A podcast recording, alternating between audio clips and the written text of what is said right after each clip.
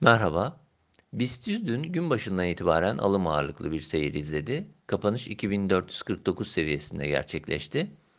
Endekste yakın direnç bölgesi olarak belirttiğimiz 2400-2450 bandının üst sınırında kapanış görüyoruz.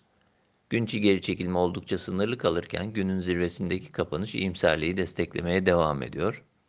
BIST 100'de saatlik, günlük ve haftalık periyotta ortalamalardaki yukarı eğilimin geçerli olduğunu, Son dönemde gördüğümüz artan işlem hacmine de bağlı olarak iyimserliğin korunduğunu belirtebiliriz.